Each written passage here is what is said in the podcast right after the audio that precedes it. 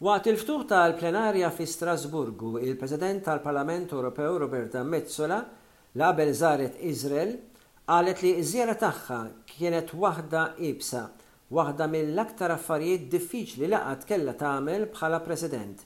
Metsola iżda qalet li kienet importanti anki jekk ix-xeni ta' orrur li rat f'kibbutz fil-festival ta' Kfar Azza u Reini u li qalet se tibqa' iġġorrhom magħha l-ħajjitha.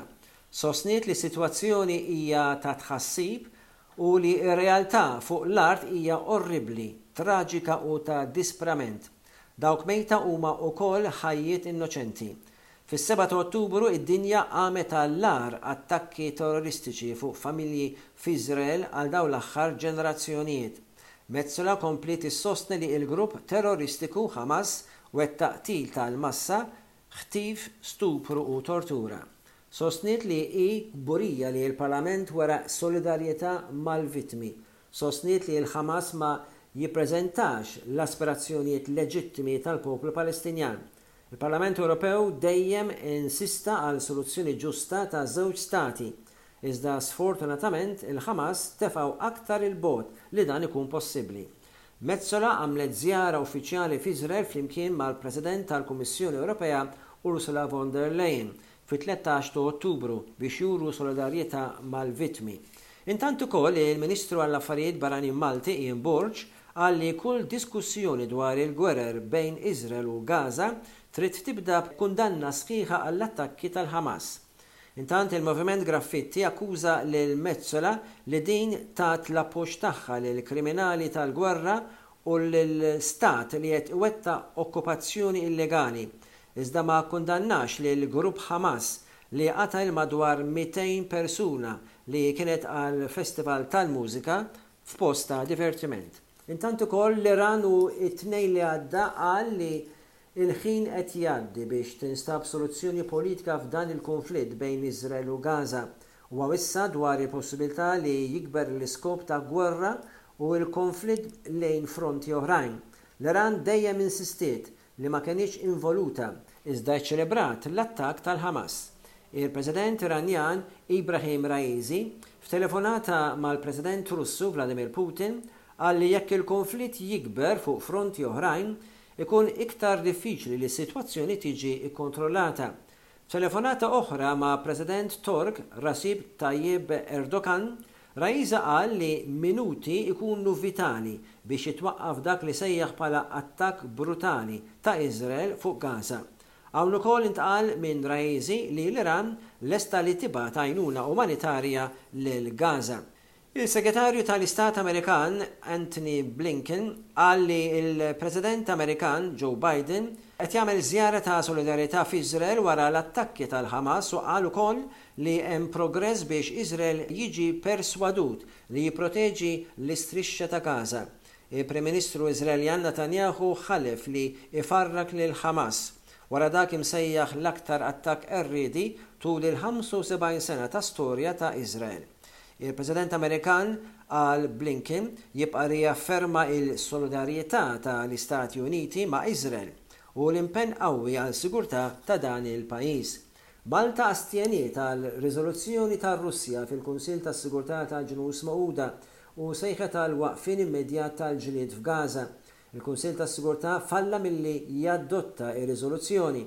Ir-Russja ssejjaħ għal waqfien mill-ġlied wara li t-tekst tal-riżoluzzjoni ma kkonkludiex il-kundanna tal-Ħamas.